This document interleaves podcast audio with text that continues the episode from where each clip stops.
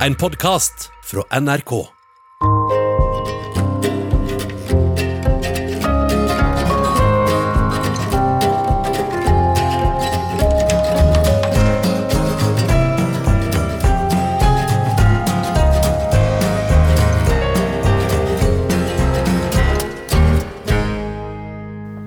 Jeg var seks år da jeg oppdaga at jeg elska teater. Sogn og Fjordane Teater satte opp et spel som heter Slaget ved Fimreite, og jeg var bergtatt. Det var fantastisk at voksne folk helt på alvor kunne stå og late som at de var noen andre enn de var, rett framfor øynene mine. Fantasi og virkelighet smelta sammen til ett. Og akkurat denne dobbeltheten i teatret, at den indre verden ei lita stund blir gjort levende i det ytre, og at dette er noe vi kan oppleve i lag med andre, det er fremdeles magisk i mine øyne. Like en rusavhengig som hele livet lengter tilbake til det første skuddet. Slik lengter jeg til den øyeblinken. Det å miste seg sjøl og bli ett med noe større, det er vel en slags sweet spot som mange kan oppleve på ulike måter. Som når en sovner i armene til noen, og bevisstheten flyter ut i noe uendelig. Orgasme har blitt kalla den lille døden. Det er kanskje det samme. Å rase framover i høy fart eller å gi noen ei kjærleikserklæring. Å la seg falle. Men for meg har det vært teater. Jeg heter Maria Tryti Vennerød og er dramatiker. Jeg har skrevet for teatret i hele mitt voksne liv. Men det som opptar meg mest, og som jeg skal snakke om denne timen, er det teatret som utspiller seg inni hver og en av oss. Sjølve livet som teater. Et menneskeliv foregår i brytninga mellom alt det vi sanser og oppfatter den ytre verden, og alt som foregår inni oss av tanker, språk, bilder og mer. Livet har jo en start, vi kaller det fødsel, og en slutt, vi kaller det død, og mellom der så prøver vi å finne ut av greiene. Navigere mellom det vi oppfatter som godt eller vondt, venner eller fiender. Vi ser og hører og prøver å forstå det, leve det. Holde styr på karakterene og hendingsrekkene og alle mysterier og lag av betydning. Jeg kaller det det indre teatret.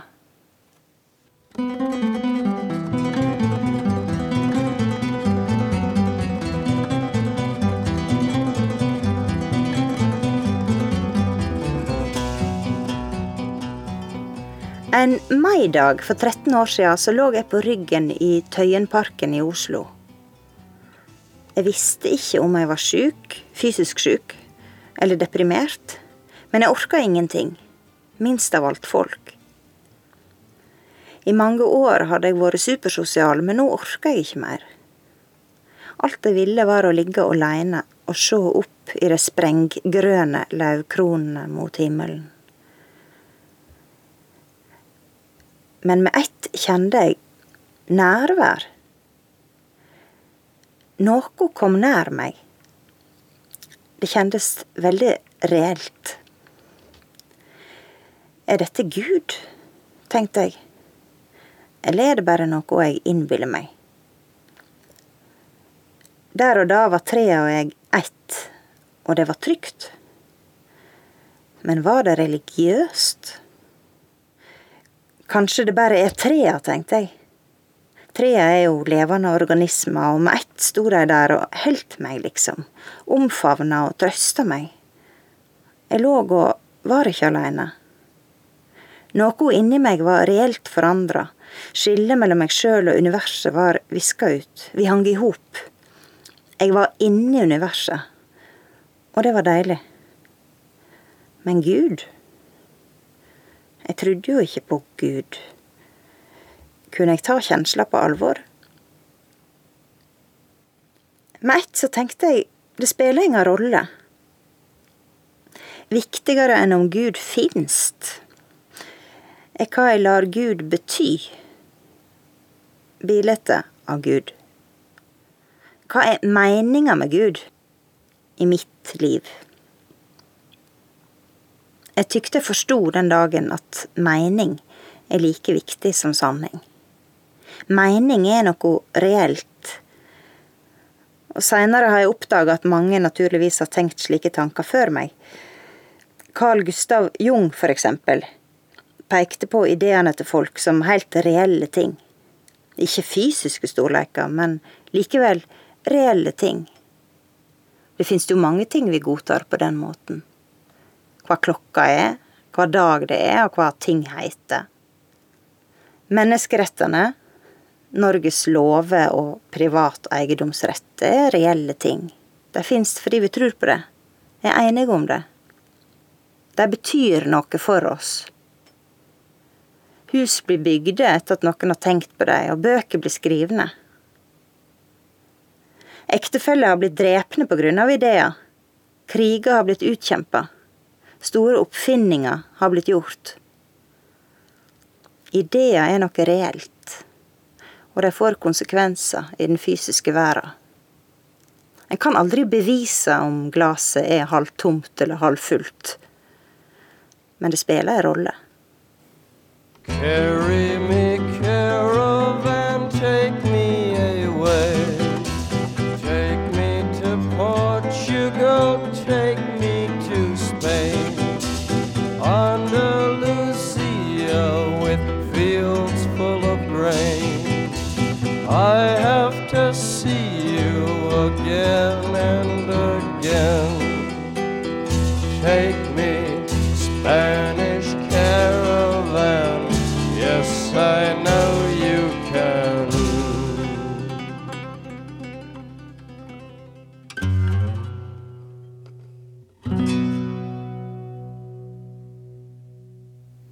For noen år siden kom jeg over en forfatter som heter Viktor Frankl.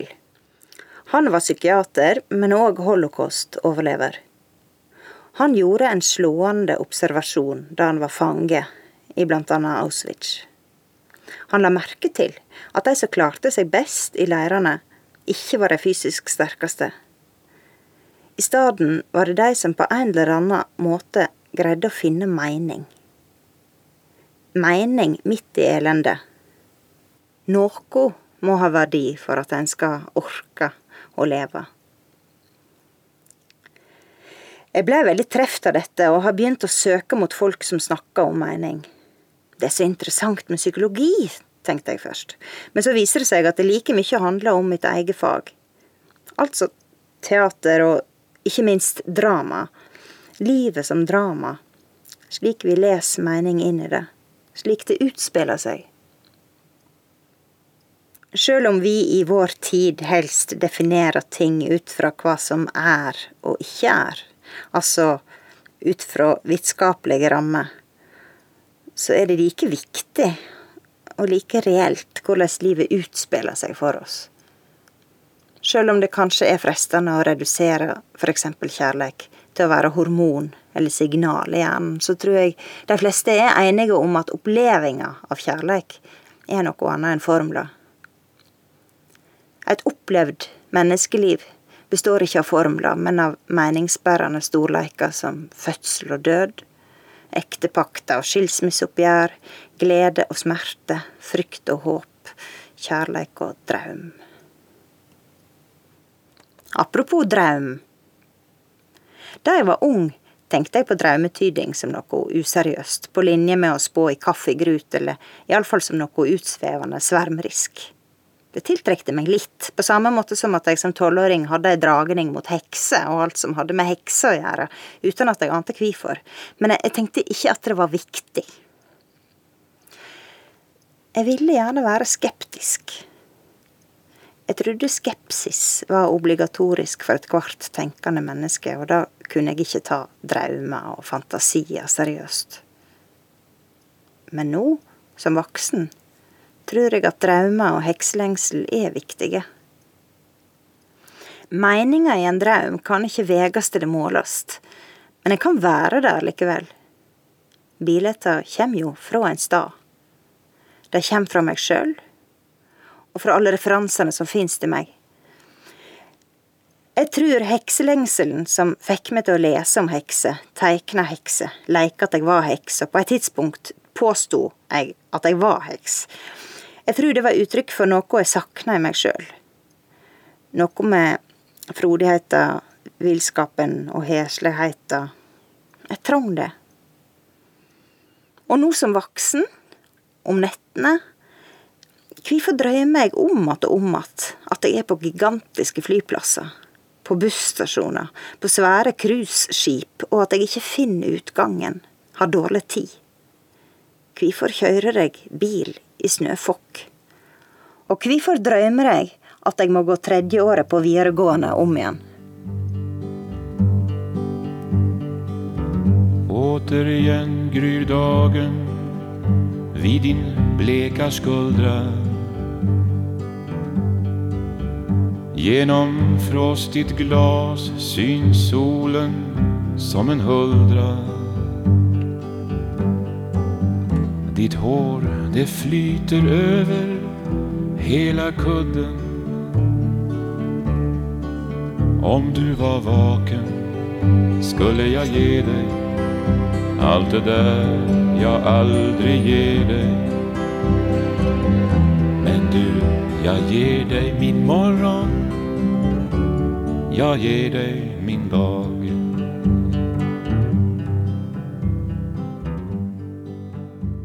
Dette er Sommer i P2.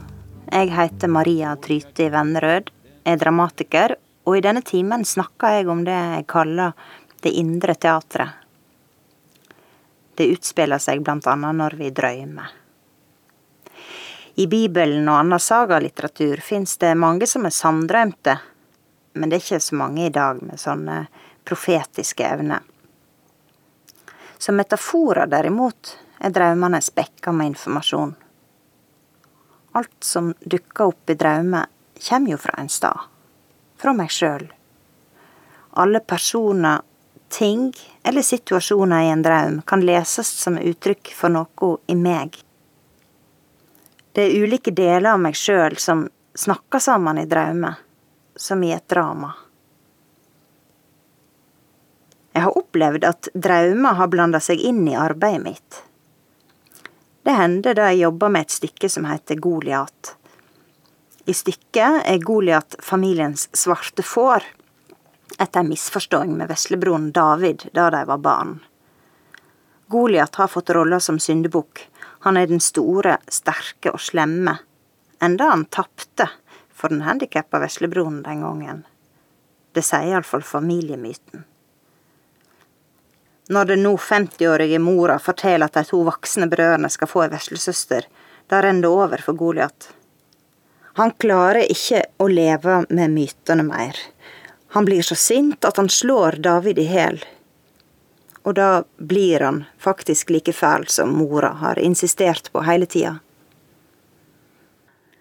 Medan jeg holdt på med dette teaterstykket, drømte jeg først to ganger at jeg fiska. I begge drømmene fikk jeg napp. Kjempenapp. Men jeg torde ikke trekke opp snøret. Hva var det jeg hadde fått tak i nedi der? Digert og mørkt. Sannsynligvis en kjempefangst, men som jeg samtidig frykta. Far min hjelpte meg i den ene drømmen, Da viste det seg at det ikke var et monster, men en sel. I en tredje drøm var jeg journalist og hadde gjort et skup. Jeg fikk lov å sove på cella sammen med Norges verste terrorist, på en madrass nede på gulvet ved sida av senga hans, for å bli kjent med han.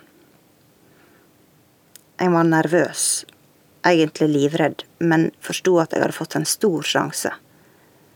Jeg prøvde å gjøre meg til venn med han, jeg ga han en klem, men så likna armen hans brått en hvit, tjukk slange jeg måtte prøve å få noen til å hjelpe meg ut, uten å avsløre at jeg var redd.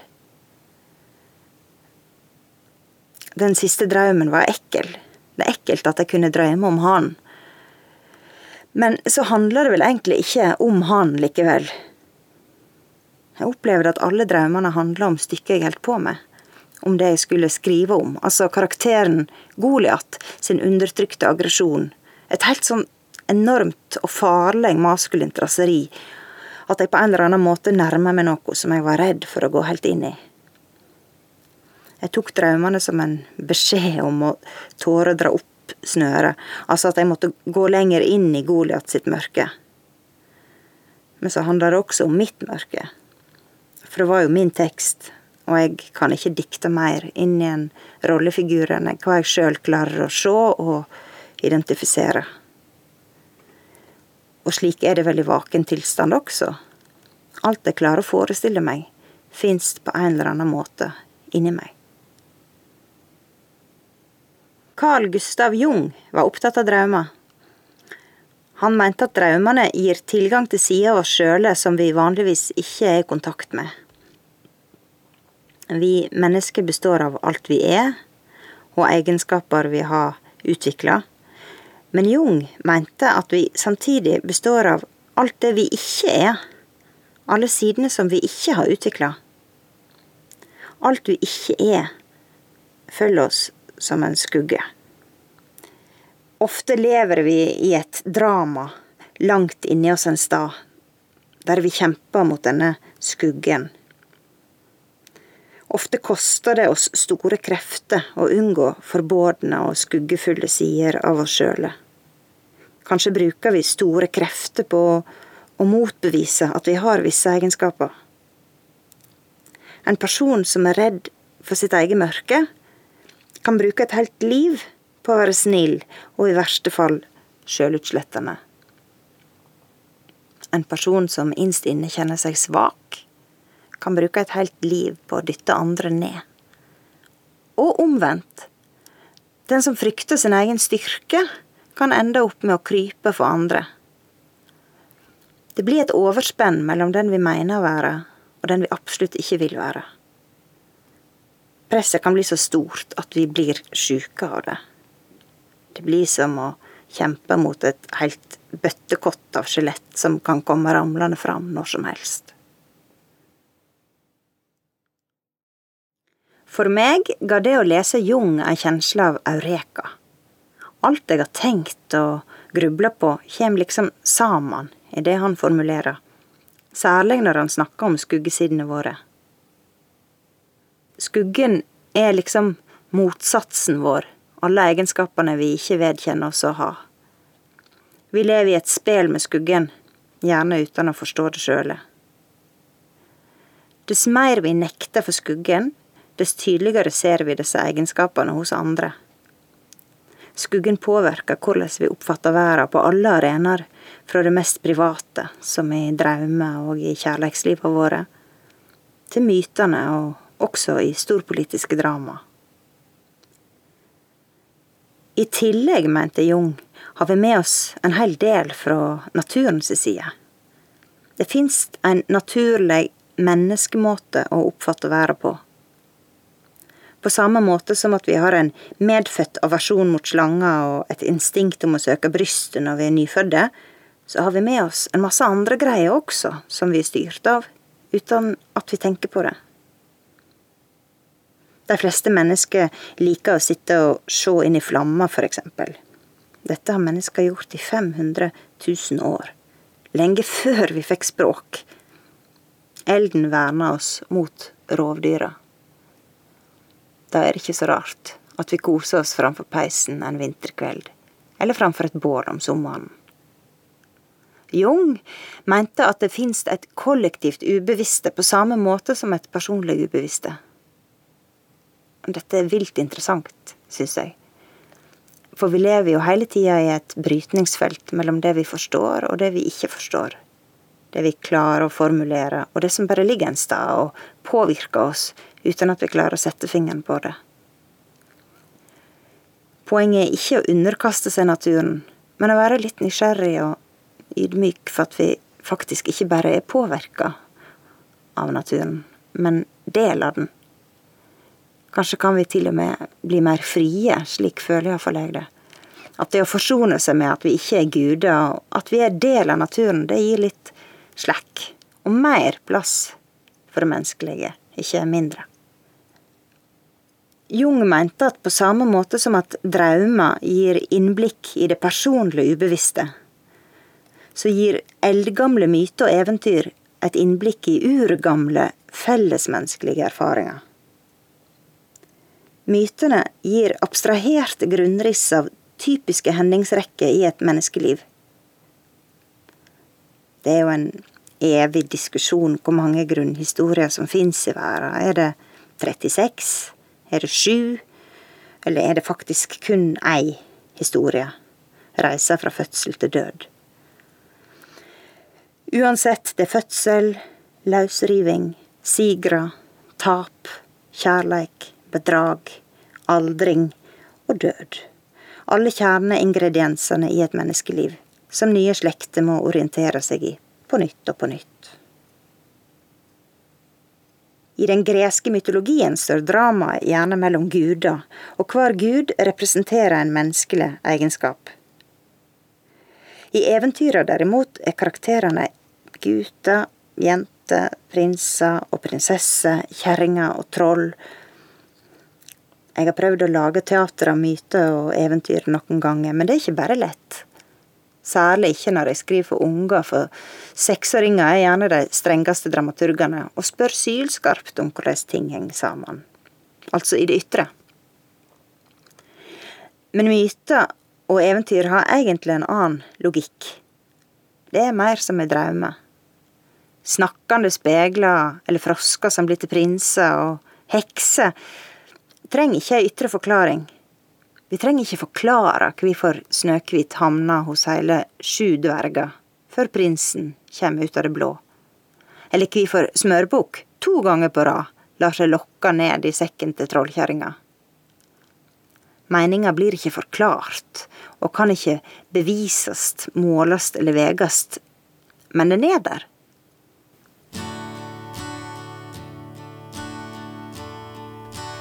Glimrende Blikstrende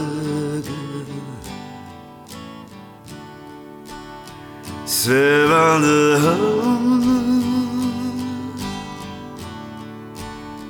På bolstrene høge Med løse styrke Kom, kom nu at dyrke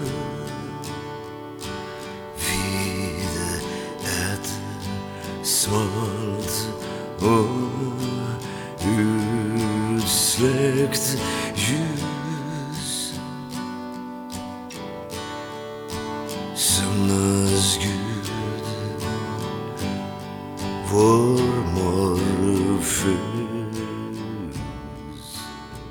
Far min las ofte eventyret om Smørbukk for meg. Smørbukk sitter hjemme hos mora og får masse graut med smør. Men så kommer ei trollkjerring med hovedet under armen. Hun vil kidnappe Smørbukk og koke suppe på han. Smørbukk er lett å lokke og havner til slutt i trollgarden, men med list og lempe klarer han å lure trolldottera, medan trollkjerringa er til kyrkjes. Trolldottera er nemlig usikker på hvordan en slakter noen. Smørbukk tilbyr seg å vise henne. Hun legger hovedet på stabben.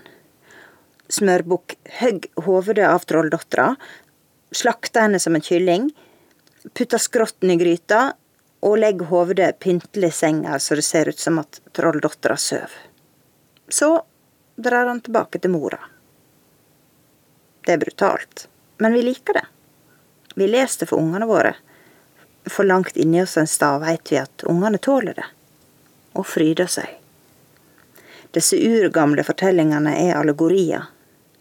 Trollkjerringa er vrengebildet av ei overbeskyttende mor, og Smørbukk tar livet av både trollet og uskulda som jentebarnet representerer, for å redde seg sjøl fra suppegryta. Eller er det moras ungjenteaktige ønske om å være perfekt mor? som må dø. Jeg kjenner det sjøl, for å si det sånn. For det å få barn har nesten blitt som ei kult. Fra dag én skal du gi barna alt du sjøl aldri fikk. Den uendelege forståinga, den økologiske grauten, den endeløse legobygginga, brødbakinga, bilkjøringa, kjenslereguleringa og kommunikasjonen med forankring i alt som finnes av litteratur og diskurs om barneoppdragelse. Når treåringen brøler, skal du ikke bli sint, du skal bare si jeg ser du prøver å løsrive deg. Men stakkars smørbukk, som har ei så gullende perfekt mor, han sitter stadig med grauten sin og smørklumpen og skuggene som streifer ute i kveldinga. Da skal det jammen list til for å unngå å hamne i suppegryta på Trollgarden. Shakespeare sa at livet er ei scene, men det er ikke bare jeg som inntar ei rolle når jeg går nydusja ut av huset og prøver å oppføre meg ute blant folk. Ikke bare inntar vi rolle, vi leser hverandre inn i rolle. Alle driver med det, hvordan skulle vi kunne unngå det? Vi prøver jo å forstå hva som foregår. Vi leter etter sammenheng, for vi trenger mening for å overleve. Da putter vi folk inn i roller. Jeg har prøvd å forstå det, og det må være sånn at på samme måte som at alt jeg drømmer kan settes sammen til noe meningsbærende, slik leser jeg mening inn i verden også. Nyhetene, for eksempel, flimrer forbi. Og i den grad jeg klarer å følge med, prøver jeg å lese sammenheng inn i ting som skjer, enten det er pandemier eller presidenter eller demonstrasjoner eller kriger. Hvem er helt, og hvem er troll? Hvem er venn, og hvem er fiende? Hvem er alle disse mennesker på min vei? Og hvem er jeg for de andre? Hvert individ må leve sine drama og lage sine egne rollelister for hvem som er med. Men arketypene går igjen. Det er den gode mot den slemme, den unge mot den gamle, det er den modige mot den feige, og den ærlige mot den slue. Vi kjenner lusa på gangen, tror vi. Og langt inni oss en stad har vi forestillinger om kjærleiken. Prinsen på hesten eller prinsessa i tårnet ser forskjellige ut, alt etter hvem du spør, men drømmen finst. Og når vi møter noen som vekker disse spesielle forventningene og kjenslene til live, når han eller hun eller hen dukker opp, og liksom muliggjør alt vi har savna, klikker rett inn som den vi alltid har drømt om. Da blir vi forelska. Gal, så er jeg like glad.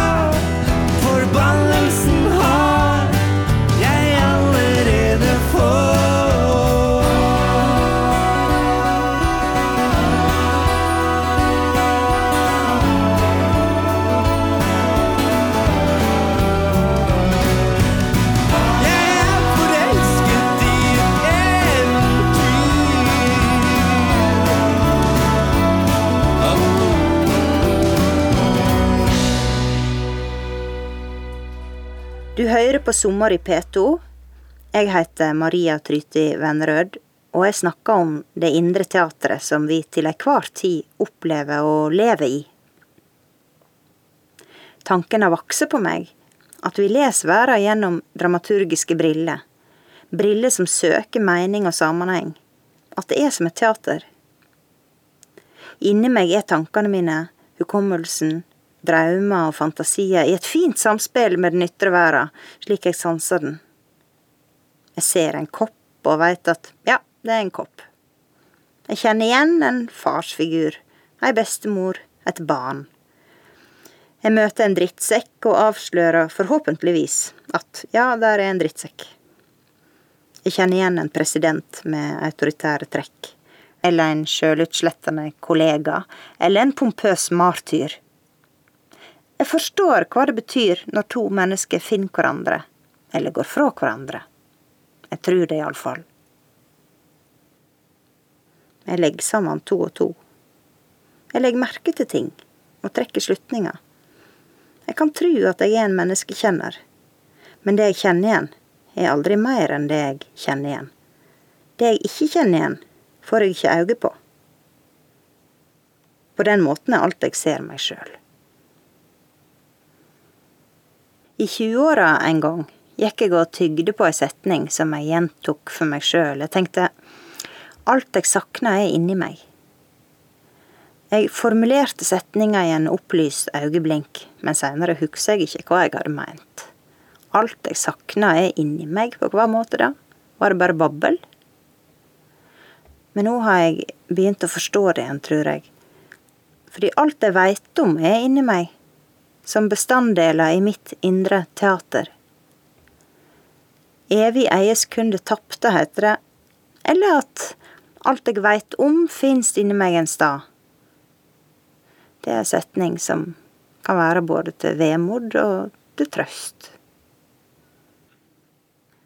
Men altså, jeg tror det fins ei vær som er virkelig, noe som er virkelig. Det er ikke det. Det må en tru, ellers blir en sprø. Men det fins noe indre også, som spiller inn. Den magiske øyeblinken min da jeg så teater for første gang, da det indre og det ytre smelta sammen. Kanskje er livet egentlig sånn hele tida?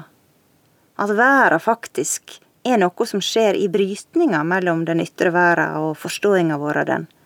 Mellom det indre og det ytre.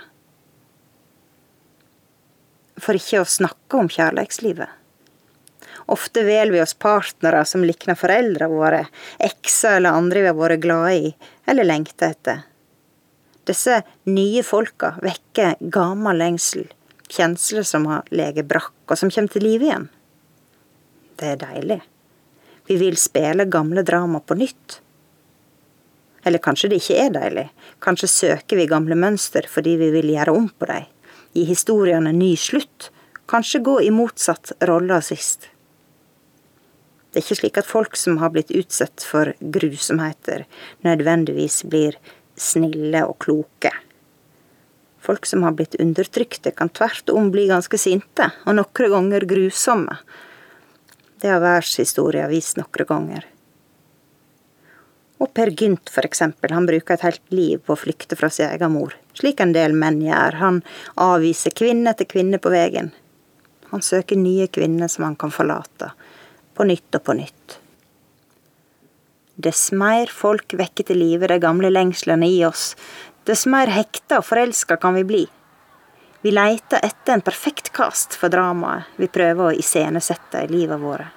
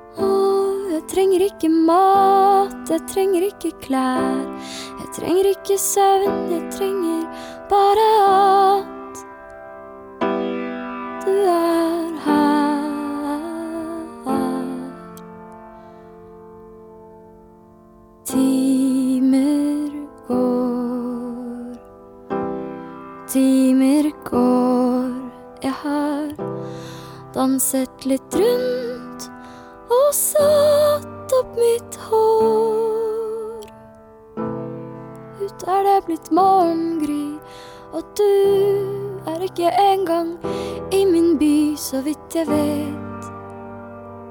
Så vidt jeg vet.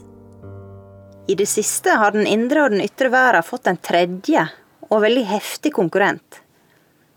De fleste kjenner presset, tror jeg, når verden er fylt av billedprojiseringer hele tida, skjermer overalt. De trigger oss enda mer innvendig. Hver virkelig, og hva er fantasi?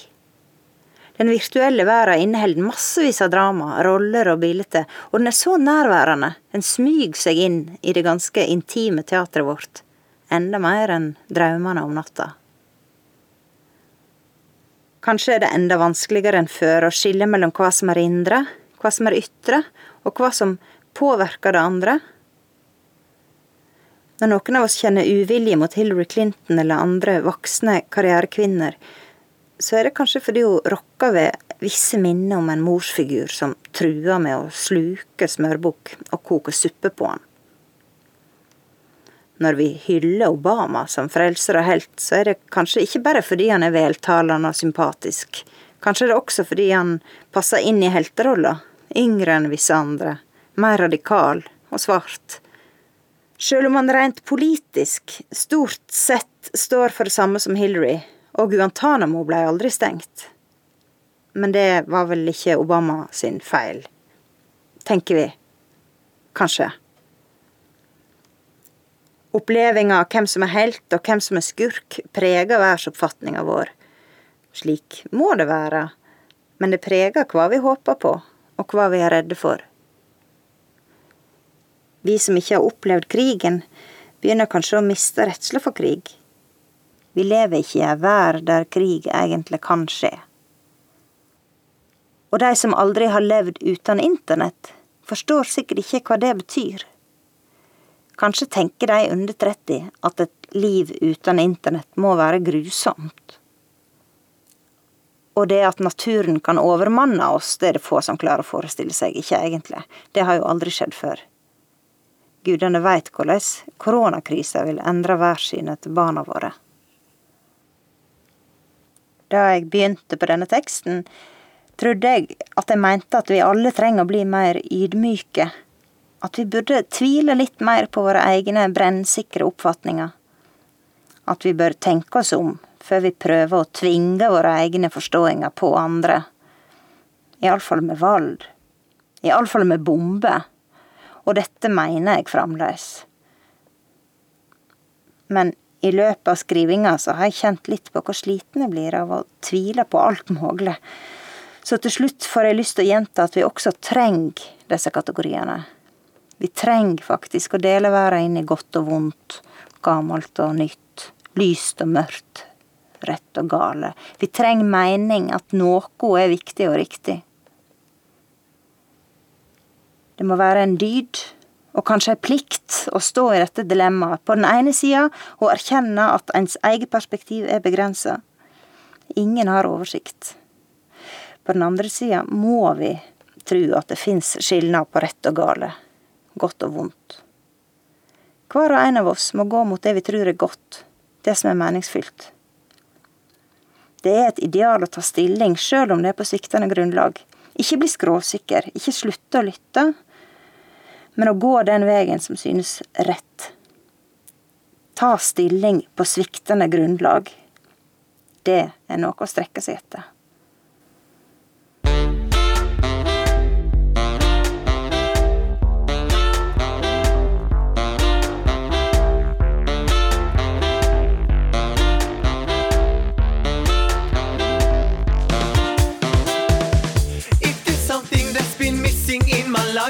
happy dancing.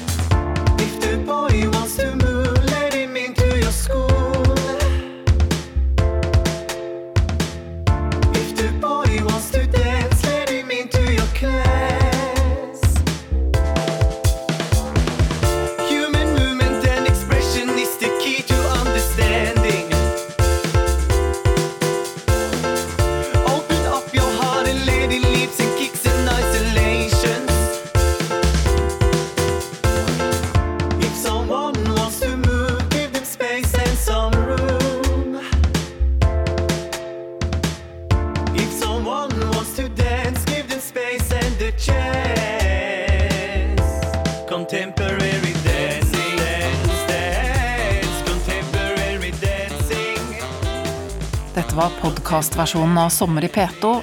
Produsent Anne Bøhler. Teknisk ansvarlig Eli Kyrkjebø. Du har hørt en podkast fra NRK. Hør flere podkaster og din favorittkanal i appen NRK Radio.